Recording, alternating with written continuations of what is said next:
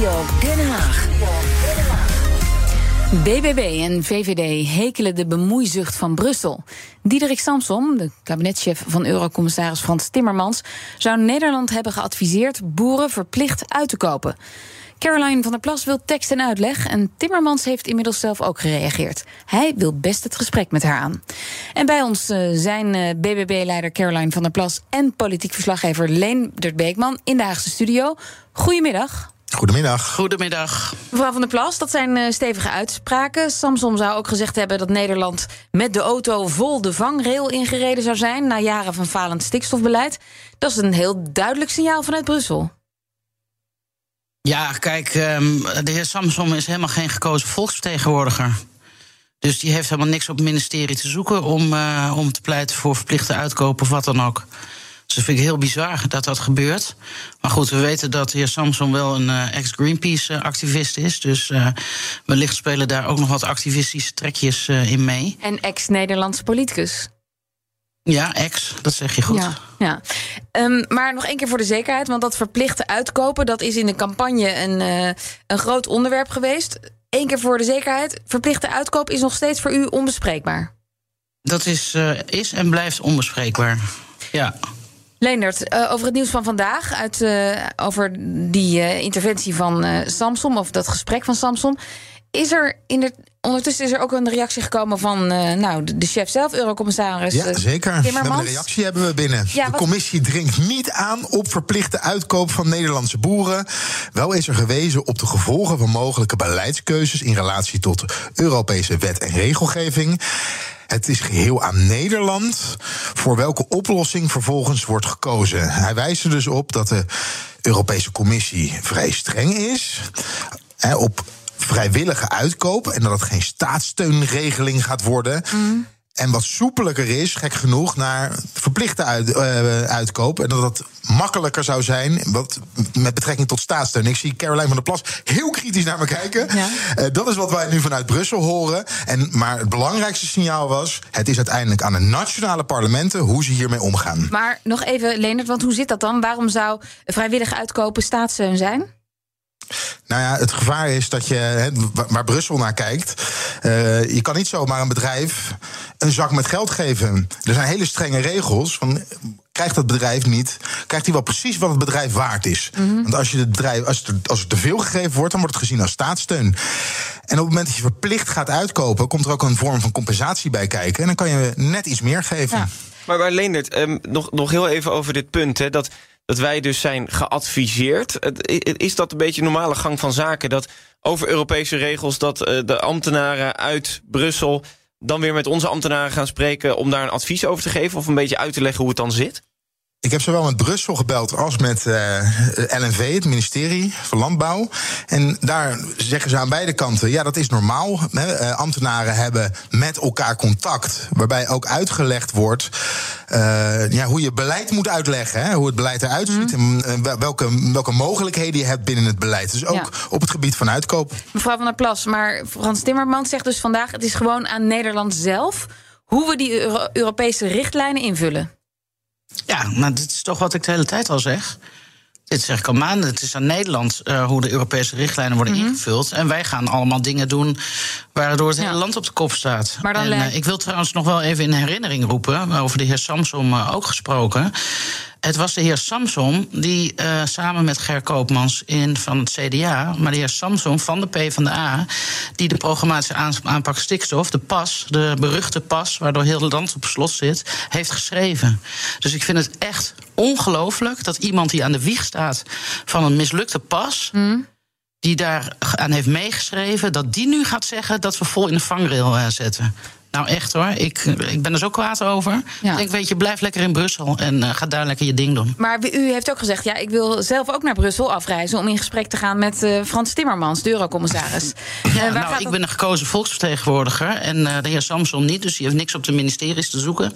En wat dat betreft, om ministers te gaan adviseren. Maar Leendert, jij zei net, het is ook wel gebruikelijk... dat ambtenaren uit Europa spreken ja, ambtenaren met ambtenaren... Wel Met, ja, maar we hebben het nu over mevrouw Van der Plas, een gekozen vertegenwoordiger, en de heer Timmermans. De heer Timmermans heeft trouwens al gereageerd. En hij zegt: Mevrouw Van der Plas is van harte welkom. Ik uh, spreek graag met haar. Maar ja, dan uh, waarover? Nou, ik wil, ik wil gewoon één op één horen wat daar precies voor ruimte zit in Europa. Um, wat er mhm. precies door Nederland is gevraagd aan ruimte. Op welk aanbod hebben ze aanbod gekregen? Hebben ze geen aanbod gekregen? Wat is er met dat aanbod uh, gedaan? En ik wil met hem ook natuurlijk spreken over de Green Deal en uh, de klimaatmaatregelen, die nog veel meer maatregelen gaan opleveren voor uh, zowel burgers als boeren. En ik wil eens kijken of ik hem een klein beetje uit zijn sprookjeswereld kan halen de sprookjeswereld? Van, van Brussel of uh, van uh, nou, Timmermans zelf? Nee, ik, niks persoonlijk. Ik, ik praat met hem uh, als Kamerlid versus hoe heet het, eurocommissaris. Mm. Dus, um, maar kijk, er worden daar wel plannen gemaakt die niet haalbaar en uitvoerbaar ja. zijn. En daar wil ik ook met hem over hebben. En welke ruimte er precies is. Ik wil, nou ja, goed, ik wil dat gesprek gewoon eens aangaan. Want wij horen hier maar de hele tijd van kan niet, mag niet van Brussel. Nou, nu zegt de heer Timmermans zelf ook. Het is aan Nederland zelf om hoe je de richting richtlijnen van Europa uitvoert.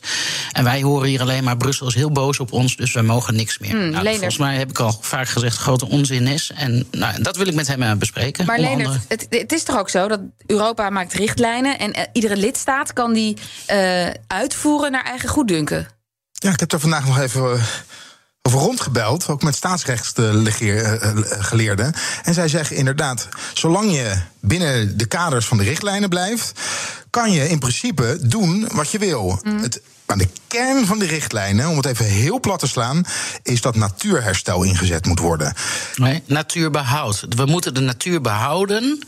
De staat van de natuur moet behouden worden en waar nodig moet die hersteld worden. Ja. Ja. Waar de natuur zo slecht is, dat die hersteld moet worden. En dat is, dat is de kern van de boodschap van Brussel, uiteraard. Ja, en, um, maar wij hebben dat vervat in een kritische depositiewaarde. Precies. Als en dat hoeft eigenlijk helemaal En dat hoeft niet, dat hebben wij in de wet gezet. dus dat is een, wij willen het als een indicator. Hey, Precies. Gebeurt dat ergens? Dan moeten we kijken naar de staat van de Precies, natuur. Maar er wordt niks gezegd vanuit Brussel over KDW's. Er wordt niks gezegd over stikstof. Het gaat om natuur. Ja. En. Uh, het idee, hè, dus natuurherstel, of hè, dat de natuur niet verslechtert, uh, daar moet je met een plan voor komen. En dan moet je aan, kunnen aantonen dat dat daadwerkelijk niet gebeurt. Ja, dan is het nu aan mevrouw Van der Plas eigenlijk om met goede voorstellen te komen. Waarbij ook bij een rechter, want daar wordt natuurlijk steeds naar verwezen, ook vanuit LNV, dat bij de rechter stand houdt. En wat de rechter bij de pas heeft gedaan, ook bij de bij bouwvrijstelling, is dat ze niet zozeer hebben gewezen naar een jaartal. Ze hebben vooral gezegd: ja, er zijn nu heel veel plannen gemaakt in het hè, er is heel veel beleid geschreven. Maar het wordt nog niet uitgevoerd. En zolang dat niet gebeurt, kunnen wij, en zolang er niet onomkeerbaar herstel is ingezet, of de natuur niet verslechtert, kunnen wij geen vergunningen uitgeven. Dus daar zit de kern van uh, de impasse wat betreft de juridische impasse bij de rechter. Ja. ja. En mevrouw van der Plas, ja, het is woensdag, een week na de verkiezingen. Hoe gaat het intussen in de provincies? Nou, dat gaat eigenlijk best wel goed. Uh, we hebben uh, overal verkenners uh, aangesteld. Die mm -hmm. nou ja, zeg maar, de wensen en dingen van alle partijen ook inventariseren. En dan um, ja, de gesprekken gaan organiseren tussen, tussen partijen in de provincies. Ja. Dus we gaan heel voortvarend aan de slag. Leendert, hoe zie jij dat? Is dit een lastige opgave voor BBB in dit landschap? Het lijkt mij een hele lastige opgave eh, voor BBB. Eh, dat is een beetje dat, hoe ik ernaar kijk. Want je moet gaan praten met partijen die in Den Haag, hè, het CDA, de VVD, eigenlijk niet meer weten hoe ze nou in dat stikstofdossier staan. En dan lijkt het me lastig als je in de provincie uh, aan een tafel moet gaan zitten om te gaan onderhandelen met de grote winnaar BBB.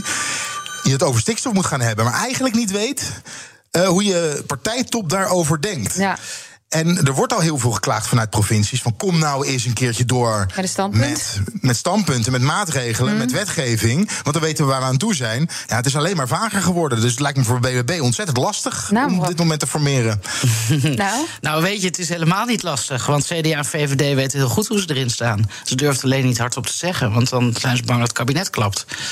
Maar ik weet zeker dat CDA en VVD, eh, als je diep in hun hart kijkt, uh, ligt 2030 en, uh, en onteigening, hè, dat mhm. ook twee van onze breekpunten, dat ligt hun heel erg zwaar op de maag. Niet de breekpunten, maar ook hè, die, dat jaartal en het onteigenen. Ja. Maar ja, er staat natuurlijk heel veel op het spel voor het kabinet. Dus, um, maar dan is het toch lastig onderhandelen, want er moet wel een handtekening dan gezet worden op een gegeven moment, of een klap ergens opgegeven worden. Ja, maar kijk de landelijke CDA en VVD zetten nergens een handtekening onder. Dat is, in de, dat is in de provincies. Nee, uh, provincies hebben eigen bevoegdheden. En uh, provincies zijn geen uitvoeringsloket van het kabinet. Dus provincies hebben best wel vrijheid om te kijken hoe ze dit uh, gaan in, invullen. Um, dus ja, daar gaan wij ook van uit dat dat kan. En we zullen ook natuurlijk met de ambtelijke mensen van, van de provincies daarover over overleggen. Maar in juni komt hier de wet door de Kamer waarin 2035 naar 2030 moet. we moeten nog zien of dat gaat gebeuren. Maar het zou voor de provincies wel handig zijn als ze wel wat eerder weten uh, waar ze aan toe zijn. Hè, moeten wij uh, in 2030 onze opgave al gedaan hebben of in 2035? Want 1 juli moeten de gebiedsvisies weer klaar zijn. Het dat is klopt. allemaal nog wel wat. Nou, daarom hebben wij vanmorgen als BBB uh, ehm, in de procedurevergadering eh, van LNV... hebben wij ook een verzoek gedaan om binnen een week een, een brief van de minister van LNV en van stikstof te krijgen... over um, nou ja, wat de provincies aangeven dat ze 1 juli niet halen daar willen we graag een reactie op. En we willen ook graag een update over het landbouwakkoord, wat ook uh, nou, op slot zit, lijkt het mhm. wel. Uh, zo goed, bijna klap, toch? Ja, ja, en daar gaan, als we die brief hebben, dat is nu uh, is de commissie mee akkoord gegaan, dus die brief moeten we nu binnen een week hebben. En dan zullen wij uh, daarop een schriftelijk overleg uh, aanvragen. Een schriftelijk overleg is eigenlijk een soort debatje, maar dan op papier. papier. vragen stellen aan de minister.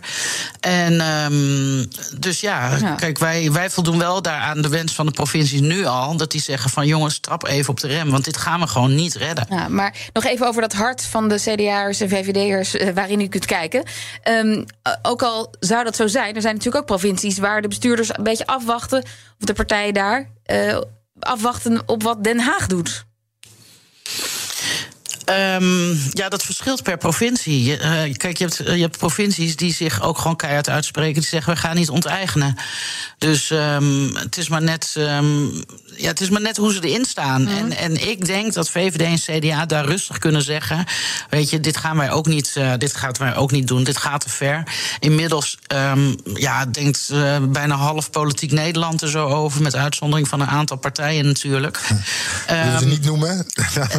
nou ja, D66, GroenLinks, PvdA, Partij voor de Dieren, noem maar op.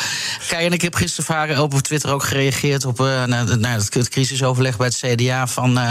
nou, we blijven zitten, maar ze weten eigenlijk nog niet zo goed wat, wat ze moeten doen. Mm. En in, nou ja, in, de, in Salland Twente heb je uitdrukking uh, vaak ben je te bangen. En dat is het. Je bent vaak te bang. Je bent vaak te bang. En weet je, hak die knoop door en maak een statement. Die provincies moeten het uitvoeren. Die hebben met die boeren te maken. Die hebben met die burgers te maken. Die hebben met die woningbouwers te maken. Met de, de, de wegenmensen. Noem alles maar op. En uh, maak daar gewoon een harde keuze in. Ik denk dat zelf dat het gewoon onhoudbaar is om hier nog mee door te gaan. Duidelijk. Dank BBB-leider Caroline van der Plas en politiek verslaggever Leendert Beekman. Ook Bas van Werven vind je in de BNR-app. Ja, je kunt live naar mij en Iwan luisteren tijdens de ochtendspits. Je krijgt een melding van Breaking News. En niet alleen onze podcast Ochtendnieuws, maar alle BNR-podcasts vind je in de app. Download nu de gratis BNR-app en blijf scherp.